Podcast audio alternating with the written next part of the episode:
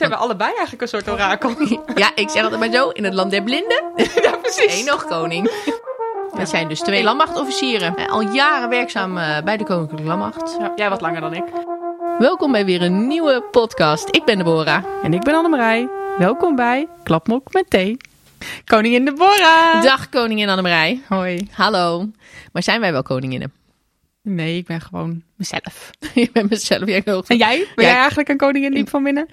Nou, diep van binnen natuurlijk wel. Maar eh, nee, nee, nee, helemaal totaal niet. Totaal niet. En al helemaal geen koningin van het slagveld. Nee. En jij? Nee, ik ook niet. Nee, ik zit ergens in een hoofdkwartier. Ja, ik persoonlijk ook. Maar mijn, eh, mijn wapen, de verbindingsdienst, zit eigenlijk overal. Dus lopen Ja. ook mee met de koningin op het slagveld. Ja. Eh, zitten in eh, voertuigen, zitten in eh, hoofdkwartieren, zitten overal. Wij zeggen gewoon wanneer de koningin geweld mag gebruiken. ja, dat- ja, ja. Vanaf een warme, veilige plek. ja, precies. Doe maar, doe maar nu dit, doe maar nu dat.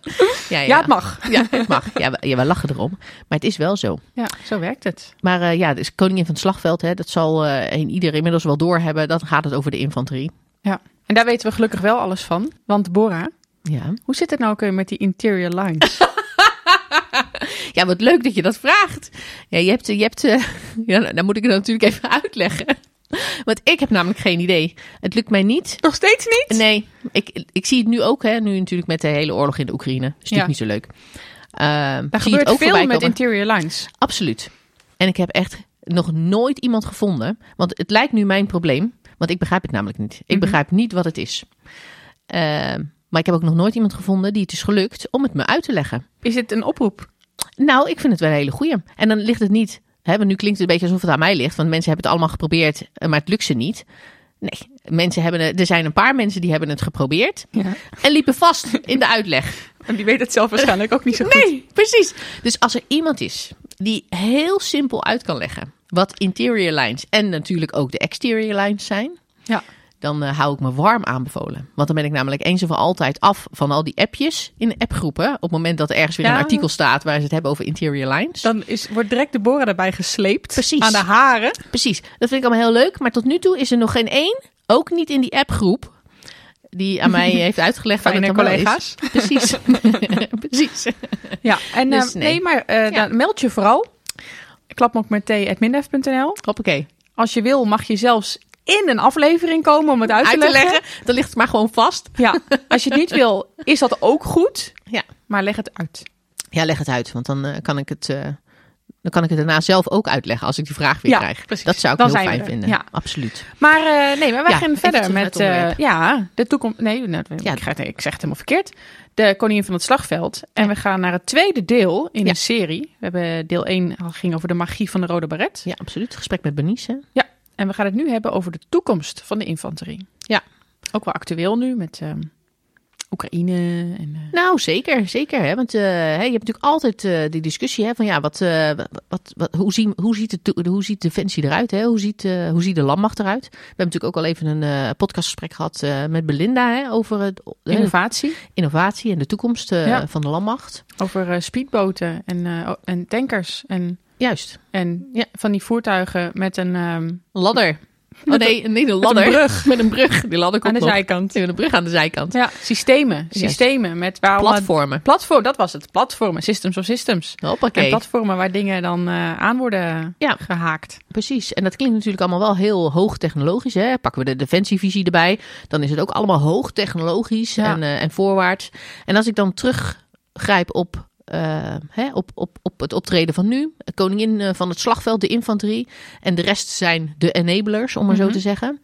Ehm, ja, hoe toekomstvast is die gedachte nog? Ja. Hoe- Wat is de toekomst van de, van de koningin op het slagveld? Is de koningin op het slagveld straks nog wel de koningin op het slagveld? Of misschien wel een van de pionnen? Ja, dat is een hele goede vraag. Ik vind het ook een hele goede vraag. Dus ik denk dat wij eh, een, daar, daarvoor een hele goede gast hebben gevonden. Waar we al een Nou, die is er gehad. altijd. Die is er altijd. Dat is eh, Sander, onze mega-infanterist. Ja, wie konden we anders vragen hiervoor? Dat dacht ik. We hebben hem thuis eh, opgezocht. Ja, ja en was ook wel eens ehm, leuk. een heel leuk gesprek met hem gehad. Dat alle kanten op ging. Uiteraard. Want zo gaan al onze gesprekken, Annemarij. Eigenlijk wel, hè? Ja, zo hoort dat een beetje. Maar eh, ik denk dat we er gewoon naar moeten gaan luisteren. Precies. Nou, hier zijn we dan, eh Annemarij. Ja. We zijn eh, bij eh, Sander, de mega-infanterist. En weet je wat het allerleukste is vandaag? Dat we op de kamer zitten van zijn dochtertje. Ja, precies, precies. Hij heeft ons uitgenodigd de- bij hem thuis. In de roze kamer met een pandabeer aan de, aan de muur naast een prinsessenbed. Exact. Gaan we het toch eens hebben over de koningin. Heel toepasselijk. Van het slagveld. Ja. Het domein van eh, Sander, de mega-infanterist. Ehm, maar... En eh, dat, dat wil ik toch wel eventjes op reageren. Want Oh? dit is natuurlijk de kamer van mijn kleine prinsesje. Wat later natuurlijk ook een koninginnetje wordt. Hè? Dus wat dat betreft eh, ja, exact. hè, Nou, vandaar. zitten we op een goede plek. Ja. Heel toepasselijk. Ja. En ik vind het ook grappig dat jullie me mega noemen. Want gezien mijn postuur is het alles behalve mega. Nou, dat is natuurlijk ook een beetje dubbel, hè? Aan de ene kant weet je natuurlijk wel alles van de infanterie. Dus eh, ben je natuurlijk wel de mega-expert. Maar aan de andere kant is het natuurlijk ook gewoon... eh, Wat? Wat zit, je, wat zit je nou met hem? Ja, waar ga je nou naartoe? Ik ben heel benieuwd wat dan de andere kant gaat worden. Nou, dit is natuurlijk ook een beetje cynisch. Een beetje, hè? Cynisch, de Een beetje mega-infanterist. plagen van jullie. Ja. Ja, eigenlijk wel. Mag dat? Ja, mag Ja, dat mag. wel. Dat Jullie is dan puur het. Deborah. Want als je kijkt naar persoonlijkheid, dan is het natuurlijk nog steeds mega. Ja, daar kun je niet om, daar kun je niet om voorbij. Daar kan je niet aan voorbij. Dat is, eh, nee, dus hoe dan ook. Het Het past je ego gewoon. dan, denk ik. Hè? Ja, ja, uiteraard, uiteraard. Ja. nee, maar het past gewoon bij je. En we hebben je als dusdanig gebombardeerd. Nu Ja. doen we er al veel te lang over. Maar ehm, even terugkomen naar het onderwerp. Hè? ja. Wat is eigenlijk de toekomst van de koningin van het slagveld? Nou, die is eh, zeker aanwezig. Wij eh, hebben een toekomst op het slagveld. Dat zie je nu denk ik ook wel gebeuren in de Oekraïne. Nou, Annemarijn en ik hadden het er al eventjes over. Maar hè, met die opkomst van al die technologie en, eh, en alle andere mogelijkheden... Ja, ja, verwacht je toch dat er, een, dat er een soort van verschuiving plaats gaat vinden? Of dat we op een andere manier oorlog gaan voeren? Of is dat misschien helemaal niet terecht om, eh, om, om zo te denken? Nou, dat is denk ik een ja en een nee. Oh, heerlijk. Ja, dat is een mooi gulden middenweg antwoord. Juist. Kijk, wat, wat we natuurlijk wel zien is dat er, er zijn veel nieuwe dingen. Hè? Cyber heeft een eh, rol.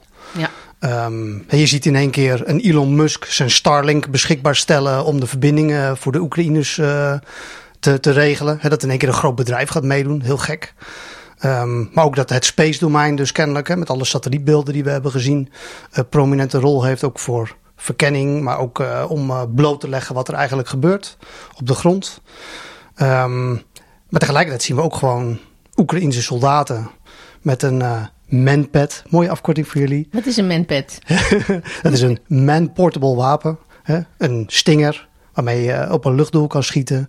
Of een anti-tankwapen vanaf je schouder afgevuurd. Zie je ook heel erg domineren. Ja. Ehm, we zien heel veel tanks, we zien heel veel panzervoertuigen. Ehm, we zien artillerie. Dus dat zijn eigenlijk dingen die we nu ook al hebben en gebruiken. Ja. En ik denk dat dat ook niet weggaat in de toekomst. Ehm, en wat is dan die toekomst? Hè? Praten we over 2040, 2050? Geen idee wat daar gaat gebeuren. Dat is wel heel ver weg. Maar de komende 10, 15 jaar zul je denk ik een mengeling zien van nieuwe capaciteiten die steeds meer door de techniek een rol gaan spelen. Maar dat is niet, wil niet zeggen dat we andere capaciteiten, dat die in één keer dan maar niet meer hoeven. En dat hebben we misschien gehoopt. Ja. Maar ja, de rauwe werkelijkheid is de laatste weken toch wel weer eh, duidelijk naar voren gekomen dat dat misschien toch eh, niet van weg is geweest op het Europees grondgebied. Nee, ik, ik, vind, ja, ik, vind het, ik vind het heel interessant om te zien hoor. Want ehm, je verwacht natuurlijk ook, als we dan eventjes blijven hangen bij, eh, bij, bij de oorlog zoals die nu gaande is. Ja, Ehm, en je, je ziet inderdaad dat eh, de verwachting van tevoren was dat Rusland veel, ja, veel, veel meer techniek naar voren zou brengen. Of eh, met veel meer techniek Ja. de oorlog zou gaan voeren. Maar je ziet eigenlijk maar hoe dun dat laagje is geweest in het begin.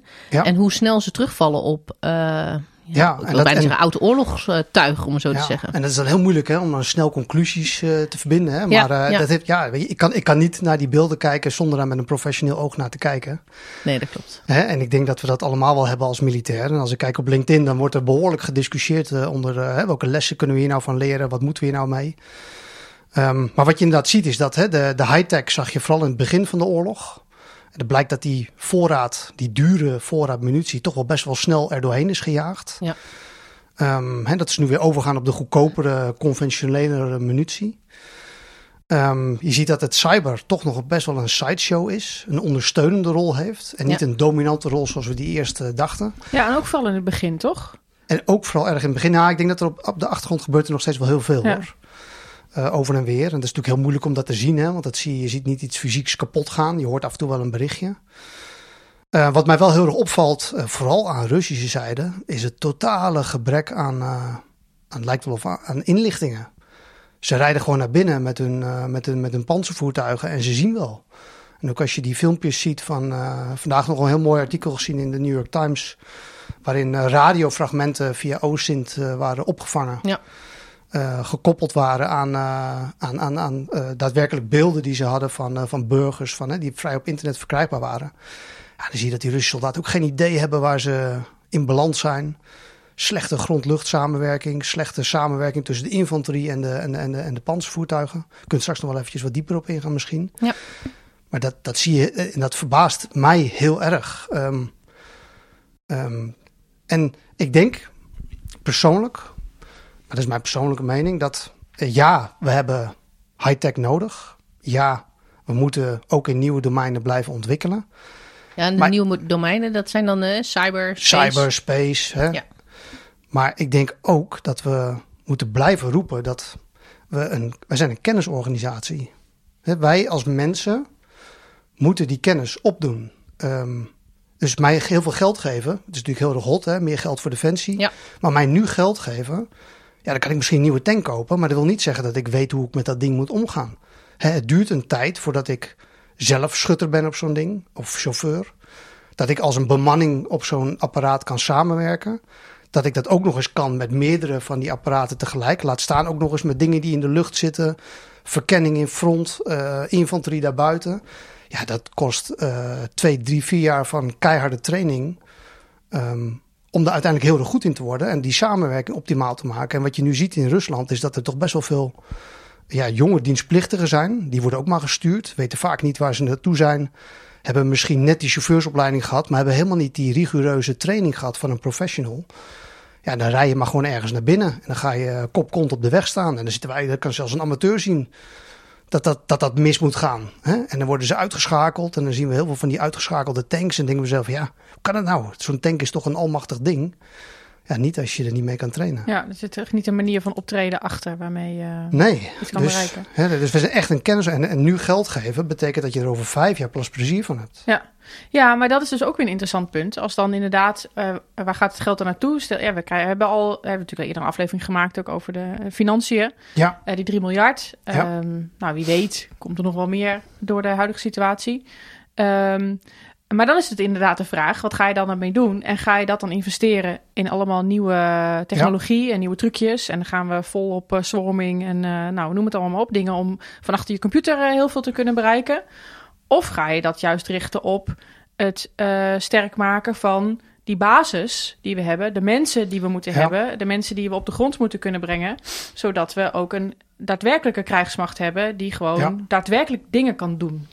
Nou, ik denk dat we ook daar zal weer een gulden middenweg in zitten. Want ik denk dat we ons goed moeten realiseren dat hè, wat we nu hebben binnen de krijgsmacht, hè, bijvoorbeeld het panzervoertuig 97, hè, die wordt heel erg, die, daar wordt nu een, een midlife update aangegeven, die wordt heel erg modern. Ja. Maar het is nog steeds hetzelfde platform. De komende 15 tot 20 jaar gaan we dat platform gebruiken. En er komt een anti-tankraket komt erop en er komt een nieuw computersysteem in. Eh, hè, dus er komen allemaal hele mooie nieuwe dingen in. Maar in essentie blijft het nog steeds hetzelfde eh panzervoertuig zoals het is. Ja. Datzelfde geldt voor het panzervoertuig Boxer. Die gaan we ook een update geven. Maar de komende 15 jaar gaan we daar, daar gaan we daarmee vechten als we moeten vechten. Dus Wat dat is het gaat niet verschil tussen die twee voertuigen? Nou, het ene is een rupsvoertuig, het andere is een wielvoertuig. Ehm, nou, ik kan ik heel diep op ingaan, maar een rupsvoertuig... gewoon voor, eh, voor de luisteraar, die eigenlijk geen clue heeft. Precies, hè? alles is een tank. ja, Daar daarom. worden altijd vreselijk boos om hè, met z'n allen. Ja, nee. En ik heb weer van die mooie plaatjes op internet. Hè, dat zelfs een eh, oude Volvo is ook een tank volgens de pers. Ja. Alles wat, een- wat, eh, wat lijkt op eh, Ja. een, een tank, dat is een tank. Maar er zitten heel grote verschillen tussen. En eh, hoe je het eigenlijk moet zien is dat eh, wij hebben binnen Nederland drie brigades. Als we praten over de infanterie. Eén, dat noemen we de zware brigade. Dat wordt de heavy command. Wordt nu omgeturnd naar een heavy command. Klinkt stoer, hè? Heavy ja? command. Ja, ja. Wat maakt het heavy? Heavy maakt eh, die grote auto's die, eh, met zware bepanzering en grote kanonnen. Dat is lekker heavy. Hè? Stoere mensen. Stoer, hartstikke stoer. Maar dat zijn die 97's, dat zijn die tanks. Ja, ja. en eh, dat doen we samen met Duitsland. Ja. Hè, ehm, de integratie met Duitsland is hartstikke eh, diep verweven inmiddels. Ja. Hè? Dus die brigade zit ook echt in een Duitse divisie. Daar werken we heel goed mee samen. Dan hebben we in het zuiden hebben we de 13e brigade. En dat, dat is dan een medium command. Medium is, klinkt minder zwaar hè. Medium is een beetje in het midden. Ja, dat, dat zijn dus... medium is in het midden, ja. dat zijn, eh, dat zijn, eh, ja, dat zijn wielvoertuigen. En, eh, Die hebben geen eh, tanks. die hebben geen, geen tanks. Leopard Nee, of, die hebben dus ook een, en daar zie je dus hè, dat de, de uitgestegen infanterist Ja. is in die brigade veel belangrijker dan misschien in de 43e brigade, waar die, al die grote apparaten en die grote kanonnen de dienst uitmaken. Ja. Ehm, zie je daar dat er een verschuiving zit van oké, zo'n bokser, Ja. wielvoertuig is heel erg gepanzerd. Die kan jou uitstekend van A naar B brengen, maar er zit geen groot kanon op. Hè? Dus dat die gevechtskracht, die moet je echt hebben van de infanterist die uit die auto stijgt en ehm, een effect brengt. Bijvoorbeeld met zijn manpad. Ja, maar ik weet niet of jij dat weet hoor. Ja. Maar ehm, zoals ik het ooit eh, heb gehoord, was het altijd het idee dat dus de zware brigade, dus hebben we het natuurlijk over Havelte, Ja. dat was dan meer gericht op eh, nou, het oosten, zeg maar, hè, de, de Ja. Russische dreiging en daar klaar voor te zijn. En, ehm, eh, en dan het, eh de, een oorschot, hè, de, dan de medium, medium brigade die je net benoemt, dat is meer bijvoorbeeld in Afrika. Ja, die Is dat geluiden. nog steeds zo? Nou ja, weet je, alles is anders hè, na de afgelopen weken. Ja. En ik ben bang dat als het daadwerkelijk oorlog wordt, dat we alle capaciteiten heel hard nodig hebben. Ehm, maar ik denk dat dat, dat is ook weer genuanceerder. Hè? Want ehm, we hebben een krijgsmacht ingericht waarvan wij graag zouden willen dat dat een toolbox is voor de politiek. Dat zij kunnen kiezen uit bepaalde capaciteiten, nagelang het de belangen van Nederland dient. Ja, en dat vind ik dan wel interessant, hè? want jij zegt, Annemarij haalt aan, hè, de, de, de zware brigade. Dat is natuurlijk een, een NAVO-asset, Ja, gericht op de dreiging vanuit, eh, vanuit het oosten. Eh, dan hebben we de medium brigade, die zou dan gericht zijn op, eh, eh, nou de dreiging vanuit het zuiden wil ik het niet noemen, maar hè, andere Ja. operaties in Afrika bijvoorbeeld. Stabiliteit in de Sahelregio ja bijvoorbeeld. zo hebben. Zo, Nou ja, inderdaad. Ja, daar daar Maar- spreken veel mensen over, maar dat ik, mijn, mijn mening is dat het niet zo is. Nee, precies. Nee. Maar dat is een beetje het punt. Ehm, hè, want je, je haalt dan ook aan van hé, hey, nu met de situatie in het oosten, zou Ja. dat allemaal wel eens helemaal eh, kunnen gaan draaien. En dat is precies wat het zo moeilijk maakt. Eh, want waar richten we ons nu op in? Ja. Jij zegt de toolbox voor de politiek. Ik denk dat dat een heel goed iets is. Eh, maar dat is wel een dure, eh, dure toolbox. Hè? Wat Ja. je dan, Kijk, het effect en- wat je dan gaat krijgen is misschien eigenlijk wat we bij Russen ook hebben gezien. De eerste slag die je maakt is heel technologisch, is heel duur om te maken. Maar als je voortzettingsvermogen wil houden, dan zie je al heel snel hoe zij, hè, hoe zij moeten terugvallen op oude Ja. meuk, om maar zo te zeggen. Ehm, gaan we Ja, dat... ze hebben hun oude meuk nooit weggegooid. Nee, exact. Kijk, en, en dat is een beetje. ehm, Hè, massa is een. een is Massa is kassa. is, ja, massa is kassa. massa is ook een bepaalde kwaliteit. Ja, ja, Hè? ja, absoluut. Absoluut. Hè, en dan. Maar die eh, hebben wij niet, wij, massa. Nee, wij hebben het niet. Aan de andere kant hebben wij ook nooit de dienstplicht afge, afgeschaft. afgeschaft. Hè? Dat zegt ook wel iets. Hè? Ja. Dus als het echt een totale oorlog wordt, hè, dan is denk ik alle hens aan dek. Hè? Maar voorlopig hebben we een professioneel leger met een Ja. beroepsleger. En Ja. dat beroepsleger bestaat, voor wat betreft de landmacht, uit drie brigades met combat support en combat service support. Ja, ja, laten we het even afmaken. Want we hebben natuurlijk, ho- we hebben natuurlijk een heavy eh, brigade, hè? we hebben een medium brigade. Ja. En wat is dan die derde brigade? ja, dat zou dan de lichte brigade zijn, maar dat is ook meteen weer een bijzondere brigade. Ja, Ehm, hè, eh, dat is een brigade die eh, de, de Rode Beret. ja. Airassault. Ja. Hebben jullie een hele leuke uit, eh, podcast over gemaakt? ja deel met Denise? 1. Ja. Deel 1 met. Denise, absoluut. Ja, heb ik ook eh, bijgezeten in het begin van mijn carrière. Loopbaan, Oh, bij de luchtmobiele brigade. Ja, ja, ja. Even een sidestep, hè? Herkende je een beetje in het verhaal van Benice? Ja, ik vond het een heel leuk verhaal. Ja. En eh, het, ja, sowieso respect iedereen die die opleiding haalt. Dat denk ik ook. Ehm, jij ook een rode beret? ik tuurlijk, Hij heeft ook gehaald. ja, ja, ja, de felbegeerde. hè. Ja, Al moet ik wel eerlijk zeggen, ik ben wel eh, meer van de panzerinfanterie. Dat vind ik zelf vind ik dat leuker werk. waarom? Oh, hier moeten we even op ingaan, hoor. Waarom is dat? Nou, ik, ik, ik hou van ehm, die combinatie van hele grote apparaten. Een gevechtsveld wat niet een klein gebied is waar je een heel goed voorbereide actie op uitvoert, maar gewoon dat wat 20, 30, 40 kilometer kan doorrollen. Dat je eigenlijk niet weet waar je uitkomt. Ehm, die chaos van al die massa staal die voorwaarts gaan. Ja, dat vind ik, dat vind ik eigenlijk uh, mooier. En ik vind ook de combinatie tussen uh, het vechten met een voertuig en het vechten met infanterie en die gezamenlijkheid. Met alles wat daar omheen komt in zo'n grote brigade. Aan geneeskundige dienst, uh, aan de verkennerij, aan de artillerie die erachter zit. Maar ook de luchtsamenwerking, genie.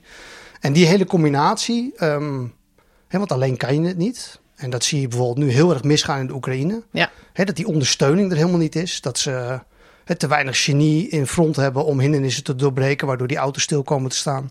Dat ze geen logistiek hebben, waardoor hun auto's stil komen te staan, dat ze geen benzine hebben. Kijk, dat, dat geheel moet je heel erg zorgvuldig plannen. Ja. En daarna maar hopen dat het in die enorme chaos van zo'n gevechtsveld, dat je, dat je dat ook nog eens op een manier georganiseerd kan houden. Dus, en die orchestratie van geweld, Ja. dat is is, een mooi. hele grote uitdaging. Ja. En die vind ik zelf eh, heel erg eh, intellectueel mooi. Ja, dit is natuurlijk, het is natuurlijk heel dubbel. Hè? Want als je natuurlijk de beelden ziet eh, van de Oekraïne, dat is gewoon vreselijk.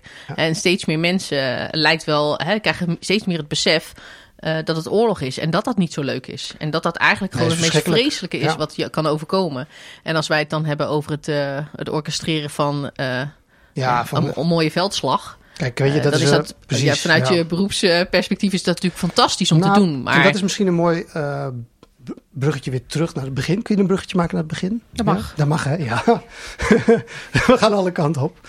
Maar eh, hè, de toekomst van het, eh, van het gevecht. Nou ja, je ziet gewoon dat het midden tussen de mensen is.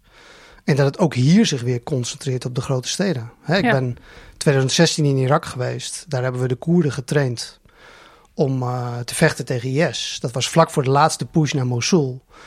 Nou dat ge- eindgevecht met IS in Irak heeft zich ook geconcentreerd rond Mosul. En ook aan onze zijde, hè, want wij denken van wij doen dat beter dan die Russen. Maar ook Mosul, daar was geen steen meer van op de andere. Dus het is zo moeilijk om in dat toekomstige gevechtsveld, midden tussen de mensen die eigenlijk geen kant op kunnen, tussen het ehm eh, verstedelijkt gebied, ja, ja, er is geen schoon gevechtsveld. Er is Nee. heel veel leed en er is heel veel ellende. Ehm, en dat is denk ik het meest schokkende voor veel mensen. Hè? Want eh, Syrische vluchtelingen, ja, nou, blijf maar daar. Hè? Maar Oekraïnse vluchtelingen, oh, en ook nog eens in steden die lijken op ons. En, eh, Maar dan ben ik ook nog wel even benieuwd, want Deborah probeerde de microfoon af te pakken van me. ja. Eh, als we het hebben over dat optreden in verstedelijk gebied, hè, zoals Ja. we dat nu zien, hè, dat echt aan de orde van de dag nu, eh, gebruiken we daar dan eh, licht, medium of zwaar voor? ja, alle drie. We kunnen het gewoon allemaal. Nou, dat is denk ik wel. Kijk, het, wat je, het, de kracht zit in de combinatie. En wat je nu fout ziet gaan, vooral bij de Russen, is dat die, die grond-luchtsamenwerking is niet goed. Maar ook de combinatie tussen. Als ik een panzervoertuig heb, dan kan die hartstikke goed schieten. Ja. Maar als ik binnenin zit, ben ik bijna blind. Zeker als ik het luik dicht heb. Hè? Want het is, ja, die hebt van die kleine spleetjes waar je daar nog door moet kijken. Dus ik moet ook iets buiten hebben wat mij beschermt.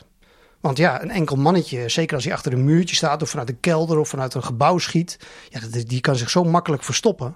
Ja, maar is dat Ja. dan ook wat het zo moeilijk maakt om eh, het gevecht in een Ja. stad te doen? Ja, en daarom denk ik dat die combinatie tussen, hè, je vraagt wat is de toekomst van de koningin op het gevechtsveld. Juist. Nou, die combinatie zal er dus altijd zijn. Dat kan niet alleen maar high-tech en clean. Als ik met een F-35 boven de stad vlieg, kan ik misschien wel heel veel informatie opzuigen. Maar kan niet zien wat er op die straat gebeurt. En daar heb ik echt wel mensen voor nodig. Ja, misschien kan ik het zien met de bewakingsbeelden. Maar dan heb ik nog steeds niet het, het, beeld. Laat staan het gevoel wat op straat heerst. Dus ik denk dat er altijd een combinatie zal zijn tussen de mens op de grond, weliswaar ondersteund met misschien meer high-tech middelen. Ehm, maar die combinatie, die maakt het juist krachtig. Ja, ik denk dat de mens inderdaad essentieel blijft op, op welk gevechtsveld dan ook. Want je weet eigenlijk zelf ook altijd wel, op het moment dat je een filmpje kijkt of je kijkt naar een foto, dat Ja. is altijd voor eigen interpretatie. En ik denk dat er niks krachtigers is dan, dan iemand die daar ter plekke staat Ja. en die context kan meegeven van, van dat filmpje of van die foto die je ziet. Want hè, we vragen aan zes mensen te kijken naar een foto en iedereen heeft een andere verhaal bij. Ja. Dat heeft natuurlijk allemaal te maken met je eigen referentiekader en, en wat dan ook. Eh, dus om helemaal blind te staren op Ja, eh, ja. die techniek die jou dan aangeleverd wordt van misschien wel 16 camera's, Ja. blijft anders dan het beeld en de sfeer en het gevoel Nou, ik van vind die het wel persoon. op de grappig dat je dit eh, inderdaad aanhaalt. Want hè, een van, ik werk nu op dit moment in Den Haag hè, bij de directie plannen. En een van mijn dossiers is om te kijken of we onbemande grondsystemen. En we kennen natuurlijk allemaal de vliegende drone, hè, maar misschien kunnen we die ook op de grond. die is wat minder weersafhankelijk. Ehm dan willen we gaan kijken of we die kunnen ontwikkelen binnen het landdomein. Hè. Ehm, hè, dat zijn eh, eh, autootjes of eh, lopende systemen met daarop een, een, een raket voor een antitank of een mitrailleur of nee, ik kan het zo gek niet bedenken, iets tegen een luchtdoel. Om te kijken of we dat kunnen ontwikkelen. Maar dat moet natuurlijk met heel veel AI. Nou, dat vinden mensen natuurlijk heel erg eng. Hè? We hebben onmiddellijk die Terminator in ons hoofd. Hè? De, oh, zo eng. Ehm, nou ja, maar daar, daar zit natuurlijk wel iets terechts in. En wat ik wel grappig vond, eh, ik heb een, dossier, of een, eh, een, een stuk gelezen, notabene een Russisch stuk. en daarin werd aangegeven dat de ontwikkeling van onbemande systemen, eh, hè, met een AI, dat je ze pas daadwerkelijk helemaal zelf beslissingen moet laten nemen, als ze ook in staat zijn om de gevolgen te dragen. Dus eigenlijk robots met een geweten. Ja. Hè, en tot die tijd zullen we dus altijd die mens in de loop moeten houden. Moeten we die algoritmes op zodanige manier programmeren dat we ze kunnen verantwoorden en uitleggen. Dat ze dus voldoen aan het oorlogsrecht. Dat wij dus nooit van dat soort onbemande systemen inzetten die eh, zonder een menselijk gezicht erop. Want ik denk dat alleen de mens kan voelen wat voor leed het op de grond veroorzaakt. Ja, je moet ergens die, eh die kool maken. Hè? Ja. Je moet ergens die knoop worden doorge- doorgehakt. En ehm, ja, dan laat je dat een systeem doen. Of blijft er altijd iemand achter zitten die een Ja. besluit, daadwerkelijk besluit neemt. Ja. En, eh, maar dan is wel interessant. Hè? Stel, we hebben daar straks al die robots rondlopen. Al die eh, wagentjes of eh, mannetjes of zo. Ja, Vliegende hoe dingen, Het, hoe, het er maar, hoe het er maar uitziet. Hè? Hoe het rolt of vliegt, Ja. wat dan ook. Er hangt een F-35 boven. Ja. We hebben ergens voor de kust nog een schip liggen. En, ehm, nou, en dan, ja, we hebben misschien nog een paar infanteristen die een gebouw kunnen zuiveren. Nou ja, gebouw zuiveren. Kijk naar de stad die Kiev is. Dus eh, dat is een miljoenenstad met gigantisch hoeveel gebouwen. Ja. Iets meer gebouwen dan één gebouw Ja. wat je moet zuiveren. ja, maar dat is wel de gemiddelde stad in Europa. Hè? Dus ik Ja. denk dat, dat als dat het gevechtsveld is van de toekomst. En we geloven dat dat, hè, die urbanisatie. Nou ja, kijk, we hebben een huizenprobleem in Nederland. We gaan er een miljoen bij bouwen. Ja, maar weet je, als, Ja. als het, het gaat om de grote steden. Al hebben we maar één grote stad en is de rest eh, laagbouw en dan wonen we Ja. lekker ver verspreid. Alles wat je nu ziet, het, het concentreert zich, eh, het gevecht concentreert zich nu ook rondom de grote steden. Ja. Ehm, terwijl je dan zegt van ja, maar je hebt al zoveel, zoveel grond, hè, als we het dan hebben over een grondgebied. Ja. Zoveel grond ingenomen. Eh, en toch blijf je voor die ene hoofdstad gaan of voor die ene havenstad. Of, Ja. eh, hè, want dat zijn natuurlijk toch de, de belangrijke punten in een, eh Nou, in dat zeg een, je een goed. gevecht. Ja. Een oorlog is altijd tussen mensen. En ik denk dat als je een hele clean robotoorlog hebt, ja, dan gaat het alleen maar geld kosten. Maar uiteindelijk zul je een tegenpartij zodanig pijn willen doen. Want met oorlog doe je nou eenmaal Mensen pijn. mensen pijn. Zo hard is het ook. Ja. Ehm, om te zorgen dat jij een bepaald strategisch doel haalt. Dat jouw belangen daarmee op een manier worden behartigd. Ik heb geen idee wat Poetin nu denkt hiermee te bereiken hoor. Maar ik kan niet in zijn hoofd kijken. Maar kennelijk voelt hij, vindt hij het nodig om geweld te gebruiken. Om zijn eh, belangen, die hij kennelijk heel erg belangrijk vindt, om die te behartigen op deze manier. Nou ja, en dan concentreert hij zich inderdaad toch tot een paar hele grote steden. Ja.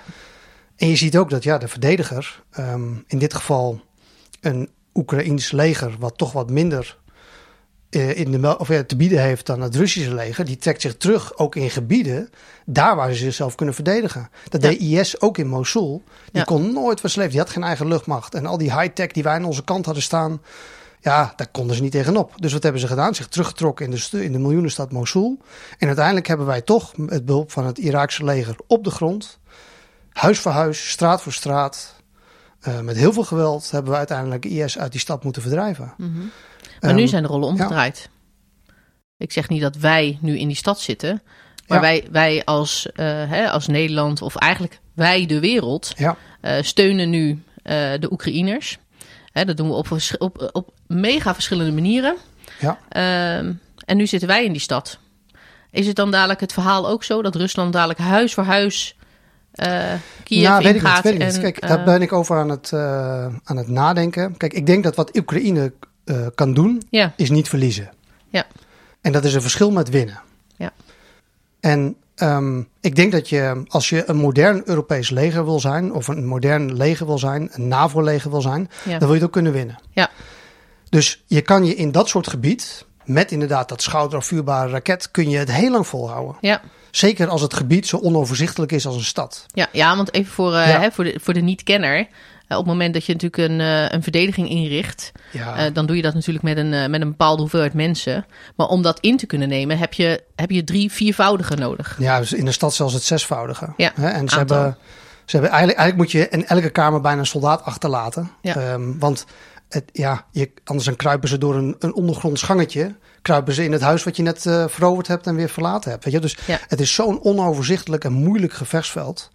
En dat die Russische aanval stokt. Hè? Heel veel mensen denken, waarom, waarom rukken ze niet gewoon op? Het is niet zo makkelijk. Het is niet makkelijk om 180.000 mensen die allemaal zelf denken, die allemaal rondrijden in auto's waar chaos is, waar het terrein eh, niet eh, is zoals je had gedacht of van de kaart had gelezen. Ze moeten gaan reageren. De verbindingen die niet kloppen. Ja. Ehm, hè, dus er is zoveel eh, chaos. Eigenlijk moet je, ik heb dat wel eens gehoord op iemand die zei van oké, je moet je nu voorstellen dat je thuis zit te werken. Gewoon de gemiddelde burger. En er komt iemand binnen met een hele grote voorhamer en die begint op dat moment jouw kantoor te slopen. En dan moet je nog steeds doorgaan met werken. Nou, dat is een beetje dezelfde vergelijking. Situatie. Ja. En dan is dat nog maar één man op een kantoor. Laat staan dat je 25 kantoren moet aansturen. Waar overal op die kamers eh, mensen met voorhamers elkaar aan het bewerken zijn. Ja, dat, dat, dat is heel moeilijk. ja, dat is gewoon niet voor te stellen. Dat wordt een heel serieus gesprek zo, dames. Ja, maar dat is met jou wel vaker, Ja, dat is- oh, heb ik dat? Ja, ja, ja. Ja, het gaat jou, ook over het vak. Hè. Dat is een ja, dan vak. zit vol met passie en dan eh, op. Er zit ook wel dat een beetje humor bij de infanterie hoor. Vooral veel galgenhumor. goed. Ja, ik wou zeggen, dat is ook weer van een bepaald type. maar dat moet ook wel, want dat relativeert. Ja, precies. Je zit altijd in de modder. Je zit altijd in de shit. En altijd komt eten te laat. En, Ja. eh, Ja, ken je dat fantastische filmpje? Van die, eh, dat is ook een, eh, wat is dat, een, eh, een panzerinfanterist, denk ik, hè? Ja, die in de regen buiten staat. Ja, die buiten in de regen vertelt hoe leuk Ja. hij het heeft. Ja. Die staat dan in de regen buiten met zijn capuchonnetje. Ja. En dan vertelt hij hoe fantastisch zijn baan is Ja, eigenlijk. ja, ja. Ik heb zelf een Ja. keertje, toen had, had ik, zat ik in een schuttersput in de verdediging. Schuttersput, dat is zo'n gat in de grond, hè. En het regende. Nou, ho, dat is niet zo even een gat in de Dat is een gat in de grond Ja. waar je helemaal in staat. Ja, waar je jezelf, hè, onder de grond kun je jezelf beschermen hè, als infanterie. Dat is zo. Die grondratten. maar dus zat ik daar zo en eh, ja, het was een oefening en het duurde maar en duurde maar. En eh, die aanval kwam maar niet. Maar ik, ik, moest, ik moest iets doen voor de bank. Ik weet niet meer eens wat. Ik wacht even, Ja, wacht, wacht, wacht. voor de bank. Ja, bent- ik moest, ik, had, moest mijn bankzaak had ik niet geregeld, weet je wel. Ja, en ik denk dat komt wel. Dus ik denk, shit, ik moet toch even bellen naar huis wel. Dus ik zat onderin, onderin dat gat. Waar de regen naar binnen kwam en dat zand zo, zat ik mijn bankzaken te regelen met een mevrouw aan de andere kant van de lijn, die waarschijnlijk op een heel warm kantoor had. Geen idee wat ik aan het doen was. Nee, dat ik lijkt me ook. Ik dacht bij mezelf, oh, als ze maar niet gaan schieten, als ze maar niet gaan schieten. Want dan wordt het een heel vreemd gesprek. Ja, dat kan me voorstellen. Maar dat bij nacht en bij ontij en in de meest gekke situaties, dat, eh, dat hoort ook een beetje bij de infanterie. Ja. Ja. Ja, het heeft ook wel een charme. Ja? Zou je het leuk vinden om naar de infanterie te gaan? Nou, ik zal je nog sterker vertellen. Ik ben gewoon eh, opgeleid tot infanterist. Ja. Ja, dat wist ik ook niet. Maar ik was, ik was toevallig vorige week was ik mijn staat van dienst. Hè, dat is zo'n mooi overzicht, een soort Ja. cv. Ja. Was ik aan het doorlezen en er stond dat ik, eh, dat ik gewoon eh, de VTO eh, infanterie heb gedaan. Officieren infanterie. Ja, dus eh, ik denk, ik padje moet ruilen. Nee, zeker niet. Gaat Oh. nooit gebeuren. Oh, Nooit gebeuren. dat is leuk. Nee, weet je wat ik leuk vind? Hmm. Kijk, eh, als je natuurlijk eh, in je algemene opleidingen zit, hè, dan word je opgeleid tot algemeen, algemeen militair, dus als Ja. infanterist. Maar dan ben je niet Nee, de nee, nee. Oh, infanterist. stop, stop, stop. Oh, Hier maken we een denkfout. nee, nee. Oh, ik wil het Hier maken we, nuanceren. nee, nee, deze, deze moet ik even rectificeren. Zo je wordt dit. opgeleid tot algemeen soldaat. Maar de infanterie is even nog iets meer opleiding. Ja, nou, daar wil ik ook naartoe. Ja, In de basis, in de basis zijn we allemaal hè, de gelijke militair. elk free soldier or rifleman. Juist. Of women. hè. Ja, ja, precies. En, eh, En heel inclusief, zag je dat? Nou, nou, dat is echt, echt een groei. Heerlijk. maar, maar wat nou het, wat ik altijd wel vond, als je dan die, die, die ja, in de oefeningen had, hè, die, die Ja. weken, weken op de kazerne, weken op oefeningen, en zo ging dat de hele opleiding door. Vroeger. En eh, Nou, dan dacht ik altijd, eh, oh mijn hemel, waar begin ik aan? En, eh, Ja. en tijdens, hè, terwijl je het ondergaat en denk je, wat ben ik aan het doen? En dan voel je inderdaad die soldaat die in de regen staat eh, buiten zijn voertuig en vertelt hoe leuk het is op zijn werk. maar als ik dan nu terugkijk, denk ik, ja, dat was toch wel leuk. Ja, ja, dat zijn de Dat momenten die je het meest ont- onthoudt. Ja, Ja, die blijven je bij. En dat zijn ook de momenten die je elke vroegere dienstplichtige je vertelt. Op het moment dat je vertelt dat je bij Defensie werkt, dan... oh, dan kennen zij ook nog wel hele verhalen hoor. En dan het samen afzien. Er is niks mooiers als samen afzien. Eh, nou, dat, dat verbroedert wel. Dat Ja. is een feit. Ja. Ja. Het is echt niet tof hoor. Ja, en daarom is ook die cohesie zo belangrijk. Ja, Hè. Want eh, je, moet, je zit waarschijnlijk ook in situaties die helemaal niet leuk zijn. Nee. Hè, en dat is bij de infanterie soms wel. Hè, 30 tot 40 procent van wat je doet Ja. is eigenlijk helemaal niet zo leuk. Hè. Als we dan helemaal afdalen naar het laagtactische niveau, Mhm. ja, dan moet je een waarnemings- en luisterpost graven. Want je moet horen en zien dat die vijand eraan komt. En als je die waarnemings- en luisterpost, die ligt dan een stukje in front van je eenheden. Hè, dat je iets kan waarschuwen voor als eh, de vijand eh, eraan komt. Dat de rest tijdig in opstelling kan komen. Ehm, maar dan lig je daar zo. En dan, heb je het ding gegraven in je put. En dan lig je waar te nemen in het voorterrein. En s'nachts is het donker. En als je pech hebt is het koud. En dan denk je af en toe bij jezelf, ja, verdomme, wat doe ik hier nou eigenlijk? ja, ik ging je vak leren. Ja, hè, of je moet ergens op wacht staan. Hè? Ja. En dat is wel, hè, de, eh, wij noemen dat bloedgroepfouten. Bam, Oh, bloedgroepfouten. oh wat Ja. is een bloedgroepfoutje? Als je bijvoorbeeld s'nachts te veel licht maakt. En dan kan de verkenners van de overkant, die kunnen je zien. Ja. En dan heb je in één keer artillerievuur op je hoofd. Ja. Dat is een bloedgroepfout. Je hebt s'nachts te veel licht gemaakt. Ja. Dus het is ook heel veel eh, ontbering zit daarin. Ja, ken ik ook niet hoor, Ja. de bloedgroepfout. Ja, Ja, ja dat is eh, de gelicht- en geluidsdiscipline. Dat ken je wel natuurlijk. ja, ja. ja, ja. Ja. zit ook in de Nou, algemene Als je opleiding. daar dus eh, bloedgroepfouten in maakt. Of je spoordiscipline. Hè, dat je bij je verzamelgebied. eh, heb je net alles helemaal mooi afgecamoufleerd. Maar je bent bijvoorbeeld de sporen vergeten eh, weg te scheppen. Letterlijk, hè? Je Ja. rijdt ergens naartoe. Als je vanaf de lucht kijkt, dan zie je al die sporen van die panzervoertuigen. Zie je natuurlijk allemaal. Dan moet je wegwissen. Ja. Want anders dan zien ze precies waar je gestopt bent. Ja. Dus daar heb je allemaal van dat soort drills voor. En dat is natuurlijk allemaal om te voorkomen dat je hele grote bommen op je hoofd krijgt. Want Ja. die vijand die wil jou natuurlijk ook vinden en Ja. uitschakelen. Absoluut. Ja, en dat zijn bloedgroepfouten. En als je dat nog verder trekt, ja, wat je nu bijvoorbeeld ziet van Rusland, die gaan overal heel erg blind in. Er is heel weinig verkennerij. Hè, voordat ik een oord in zou gaan, dan zou ik eerst willen weten waar zit die vijand. Je gaat het verkennen, je gaat dat doel ga je in kaart brengen. Je gaat eh, vanaf de kaart kijken wat zijn de strategische opstellingen in zo'n stad. Ja. Ehm, Maar ja, weet je, en, daarna moet je dat ze nog, echt- en daarna moet je ze nog vermeesteren. Hè? Ja, maar zijn dat echt fouten die gemaakt worden, denk je? Of, eh, Dat is onwetendheid, dat is het. ja, maar dat klinkt bijna te naïef. Ja, maar klinkt is bijna het. te naïef. Nee, maar dat is het. Denk je Deborah, echt? Ja, serieus. Je bent een, een dienstplichtige. Je hebt je Ja, maar basisopleiding die gehad. dienstplichtige heeft een baas. Ja, En dat maar, gaat al heel gauw naar een generaal in het... eh, maar dat wil niet zeggen dat hij op de grond staat. Uiteindelijk moet die Nee, jongen op de grond moeten doen. En Ja. kijk, het grote verschil tussen ons, onze manier van optreden Ja. binnen de NAVO en de Rus, is dat de Rus is heel centraal in zijn aansturing. Ja. Dat gebeurt op heel hoog niveau. Er wordt heel erg bepaald van oké, dit ga je doen. Ja. Geen idee waarom, maar dit ga je doen. exact.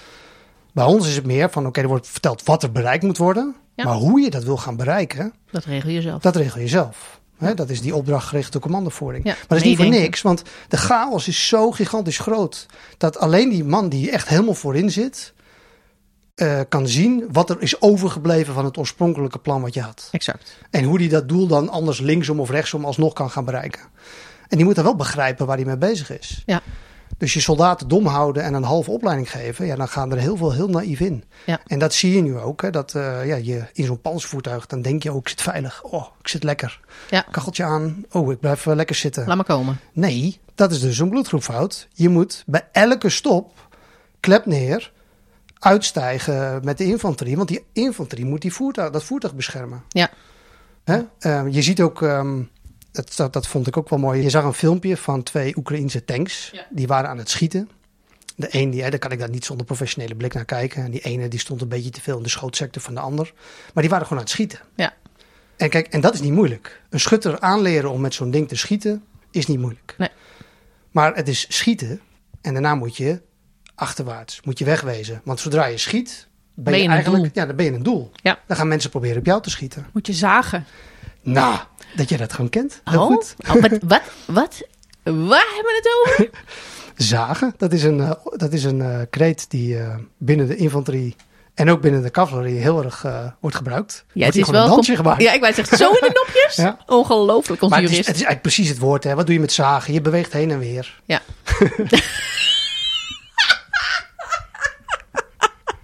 ja, voor de beelddenker. dan, komt dat, dan komt dat platform, hè? De Inspector Gadget platform.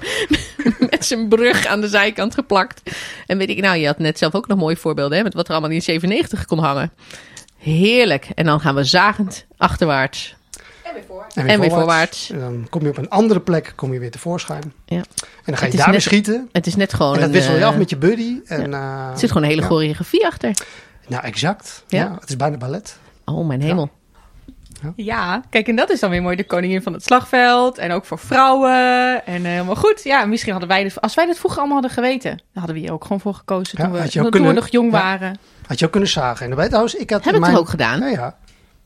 Heb ik je in Ja, ja, ja, ja. Nee, precies. Maar, nee, ik, had, ik had gewoon dames in mijn compie hoor. Die uitstekend in staat waren om ook dit werk te doen. Ja, nee, maar dat Ja. is heel goed. Kijk, want wij zeggen dan... Nee, nee, nee, vroeg het net alleen aan Deborah natuurlijk. En die zei, nee, nee, dat wil ik niet.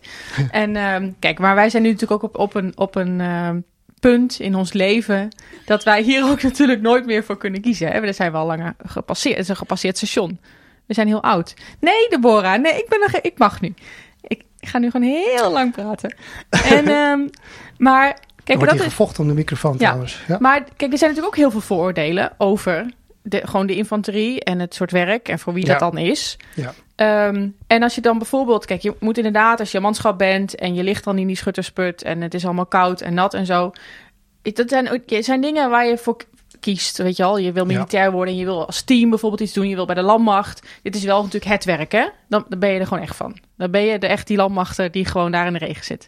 Maar als jij officier wordt, dan is het natuurlijk ook een functie waarbij jij gewoon aan heel veel mensen leiding geeft. Die het misschien wel heel zwaar hebben. En Ja. allemaal dit soort dingen moeten doen die jij moet motiveren. En waar gewoon heel veel leidinggevende kwaliteiten en capaciteiten bij komen kijken. Wat het natuurlijk ook nog eens heel erg interessant maakt.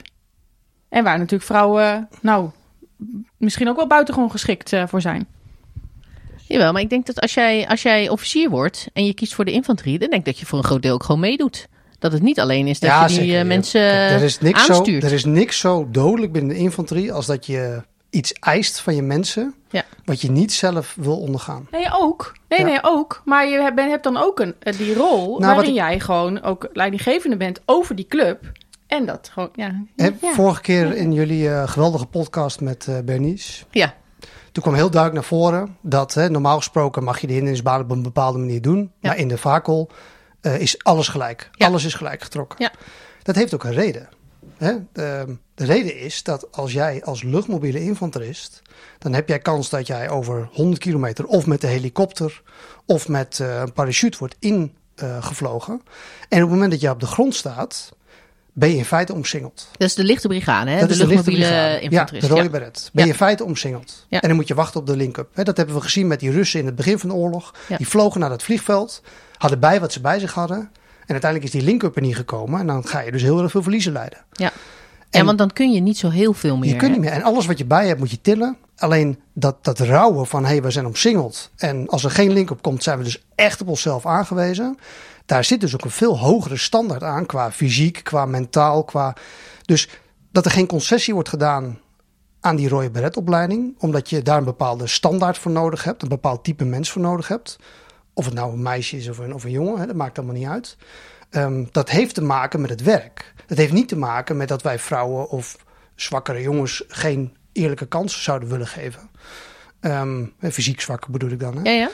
Ehm, maar dat heeft ermee te maken dat als je daadwerkelijk wordt ingezet, ja, dan gaat het er ook wel echt om. En dan ben je echt op jezelf en je buddy aangewezen en met wat je bij je hebt. En in het ergste geval moet je 100 kilometer door vijandelijke linies terug exfiltreren. Mooie Juist. term.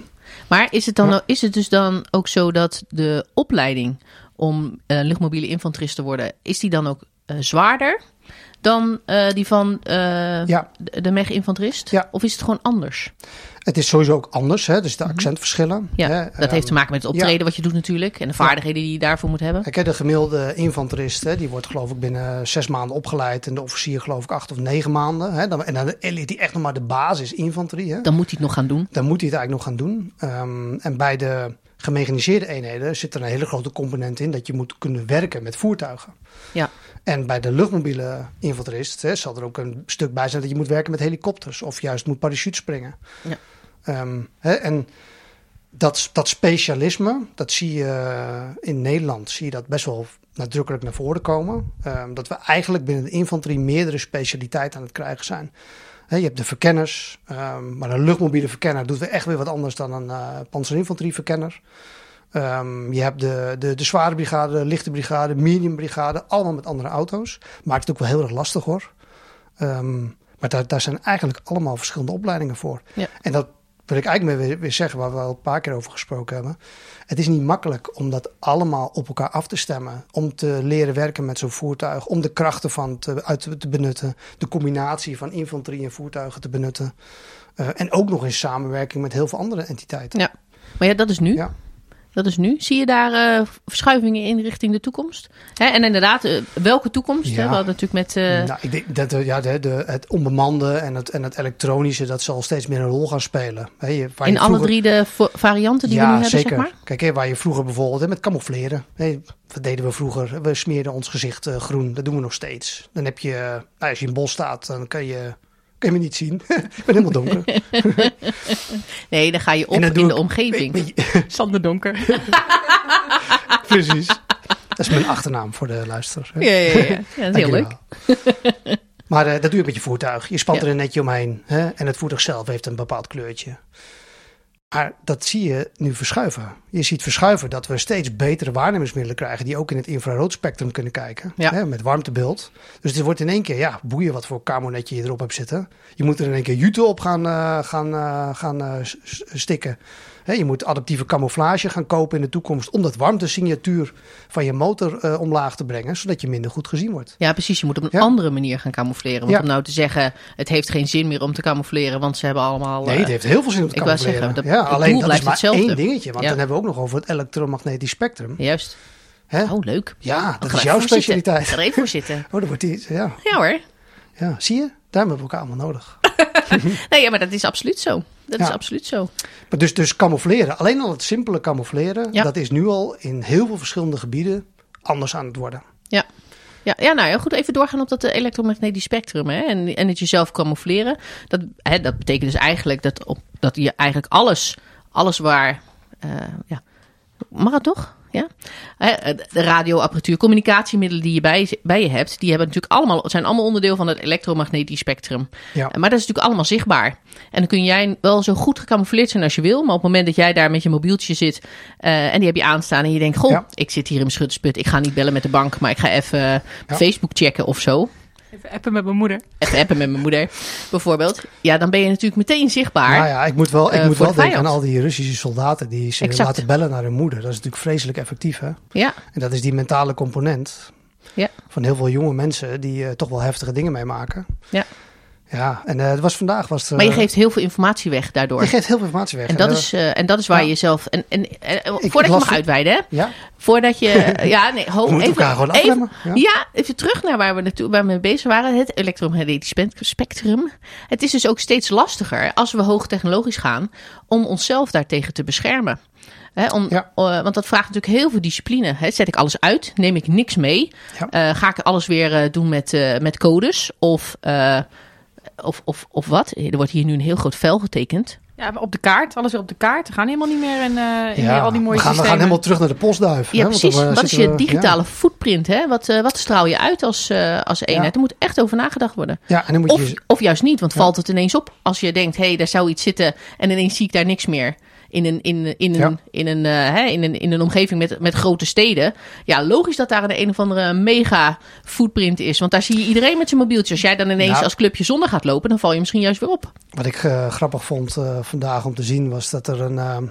was er waren de radioberichten. En Ja. die Russen die doen heel veel via gewoon de afluisterbare radio's, analoge frequenties. Ja, was op basis van een eh, filmpje van de, New York, van de New York Times, hè, dacht ik. Dat filmpje, ja. Maar dat, eh, en en ehm, daar was de Oekraïners, die konden natuurlijk gewoon op die frequentie inbreken. Ja. En die waren over de radio scheldwoorden aan het slingeren van eh, misschien Ja. kun je beter naar huis gaan. Ja, ja. Maar, dat, is dus, dat, is, dat, is, dat, dat krijg je als je. Als je niet- analoge radioverkeer hebt, dan kan iedere, iedere zendamateur kan erop inbreken. Dat doen we al jaren. Ja. Dat Oh, gebeurt. wij, oh, wij, wij, wij gebruiken daar verbindingswoorden voor. Juist. En een verbindingswoord, dat is, dan heb je, je, hebt je coördinaat. Ja. En dan verzin je een woord. En dan is elke letter, het woord moet dan dan 8 tot 10 Ja. eh, tekens zijn.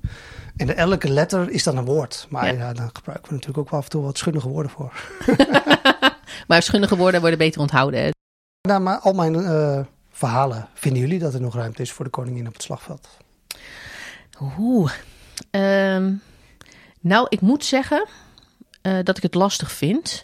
Ja, natuurlijk. ja, natuurlijk is er ruimte voor de koningin op het slagveld. Want het is exact zoals je zegt. Ehm, we, zijn, we zijn alleen maar sterk omdat we met z'n allen eh, samenwerken. Hè? We, zijn, we zijn met z'n allen aan het. eh, de, de, de koningin op het slagveld kan het niet alleen, maar niemand kan het alleen. We zijn juist zo sterk doordat we die samenhang hebben. Ehm, en dat we elkaar daarin ondersteunen en dat we met elkaar daarover communiceren en wat dan ook. Dat is, dat is wat ons sterk maakt. Dus ja, is, is, is nog steeds heel erg belangrijk. Ehm, ik was altijd van mening eh, dat het steeds minder belangrijk zou worden en dat de infanterie meer een ondersteunende rol zou gaan hebben voor, eh, ja, voor meer technologische inzet, om maar zo te zeggen. Ehm, maar als je nu ziet wat er gebeurt in, eh, in, in de Oekraïne, ja, dan zie je dat, je dat je altijd terugvalt. Op een gegeven moment is de technie- techniek is op, want de techniek is duur. En je moet altijd terug kunnen vallen op, eh, op de basis, op, eh, ja, op dat wat je wel kan en wel weet. En dan val je terug op die infanterist die het verschil maakt op de Ja. grond. Eh, en dat, word ik wel, dat is wel iets wat mij anders doet denken over de inzet van techniek. En met de inzet van techniek bedoel ik, bedoel ik niet ook weg met de infanterist, hier is je techniek. Daar komt je robot of daar. Want je zal altijd, zal het samen moeten gaan. Ehm, hè, want ik geloof ook niet in alleen maar een technologische oorlog. Eh, hè, net wat ik natuurlijk net al zei. Het gaat ook echt wel om die infanterist. Of, of wie dan ook. eh, daar op de grond. Hè, die gaat het de voelt, die het ziet. eh, Ja. Die het ervaart. Die dat wat die robot niet kan wel doet. Ehm, maar goed, daar zullen we misschien wel een ander type infanterist voor moeten vinden. dan de infanterist die, Ja. die we nu hebben. Ja, ik denk hè, dat, die, dat daar ben ik helemaal met je eens. Hè. Er gaan steeds meer autonome, maar ook vliegende systemen, maar Ja. ook eh, verbindingssystemen worden moderner. Ja. Dus daar gaat een hele golf van techniek mee, waarbij het menselijke aspect ook blijft. Ja, Ja. En ik denk dat die combinatie ehm, de toekomst is. Dat denk ik. Ja, ja, ja. En eh, ik denk ook een stukje realisme. Eh, high-tech is één, maar we hebben ook nog heel veel wat we nu hebben, waar we over 15 jaar nog steeds mee vechten. Hè? Dus dat moeten we ook. Wat is dan de toekomst? Hè? Ja, nou ja, en wat natuurlijk ook altijd interessant is, is dat als we natuurlijk een tegenstander hebben die high-tech heel sterk is, dan kunnen wij er wel net zo high-tech ingaan. Eh, maar dan ga je dus twee mensen die heel sterk Oh. zijn en niet gaan tegen elkaar vechten. Ik hoor Gijs Tuinman praten hier. Wat goed voor jou. ja, ja, maar ik heb Ja. les gehad van Gijs. Ja. En er blijft gewoon af en toe eens wat hangen. Ja. Ja, als, het, als het maar logisch is, als het maar logisch is, dan blijft het gewoon hangen. Ja, serieus. Heb jij dat niet, Annemarij? Oh, dan blijft er dus niet zoveel hangen. Die was natuurlijk flauw. Maar wel Eventjes leuk. voor het blok gezet. Ja. Nee, maar, maar dat is natuurlijk zo, hè? Nee, maar dat Maar, vond- vind, maar vindt Annemarij dat ook? Vind jij dat ook, dat de koningin op een slagveld nog ruimte heeft? Ja, ik denk we laten het gewoon lekker bij Deborah. Ik ben het heel erg met Deborah eens, dus dat vind ik heel goed. Maar ik denk wel dat uite- uiteindelijk eh, maakt... eh, denk- je kan nog zoveel technieken hebben, maar uiteindelijk maakt de mens het verschil en maak je op de grond het verschil. En eh, ik denk dat alles daaromheen is daar ondersteunend aan en eh, heeft een bepaalde rol. Maar ehm, ik denk zonder ehm, nou, lui op de grond die daar dingen kunnen doen, dan kan je Ja. nog zoveel dure systemen ergens hebben hangen of swarmen of wat dan ook. Eh, maar dan ga je het uiteindelijk niet mee winnen. Oorlog is tussen mensen. Nou, heb jij nog, een- dan nog een laatste woord? Want dan gaan we hiermee afronden.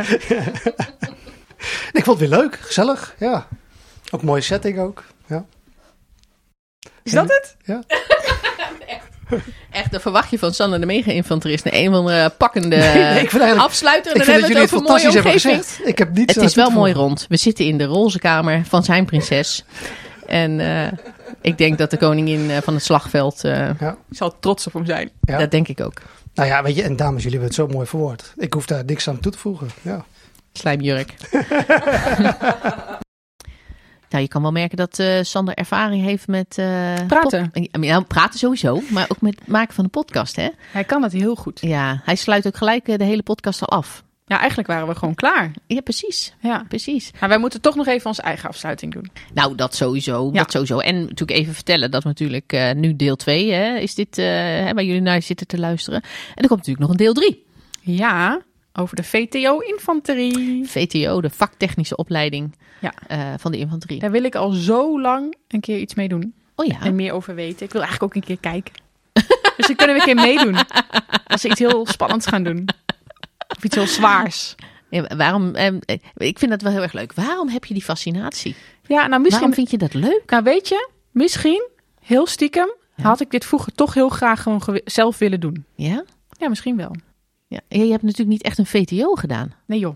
Nee, precies, dat ja, is het. onze VTO is volgens mij de minor die we aan de UvA moeten doen. Ja, nee, dat is niet een VTO zoals Nee, iedereen een VTO moet Nee, doen. wij moeten gewoon college volgen in Amsterdam en Ja. daarna borrelen daar. Ja, nee, lijkt er niet op. Ja, we- weet je nog die magie van die rode baret?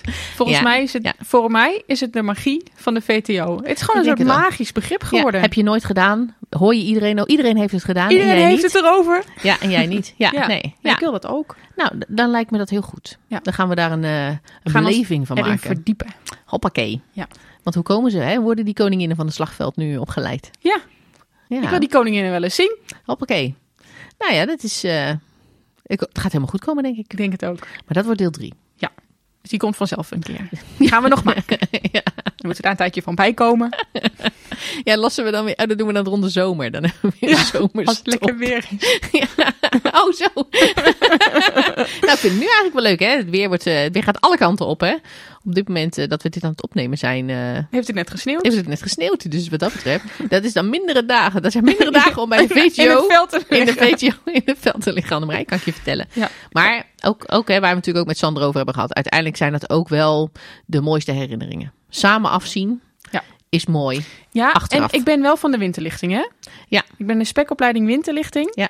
Wij lagen ook in de sneeuw. Maar was ook het water in jouw veldfles bevroren? Absoluut. Ja. 100 procent. Ja, dat is even een tegenvaller, hè? Dat was toch even apart. Een aparte gewaarwording. Ja. Oh, dat kan Ja. gewoon. Ja, er komt niks, er komt niks meer uit. Ja, precies. Ja, die heb ik ook gehad. Die heb ik ook gehad. Ja. Dus ik heb toch iets meegemaakt. Nou, En, zeker. en, het was, en het was dus zo leuk dat ik dan toch denk, ja, toch zo'n VTO. Ik wil meer. Ik had het eigenlijk wel willen doen. Ja. Ja, nou, het is, het is sowieso een hele mooie ervaring. Absoluut hoor. Ja. Absoluut. Oké, Ja, nou, dan eh, denk ik dat het tijd is om te zeggen tot de volgende keer. tot de volgende keer.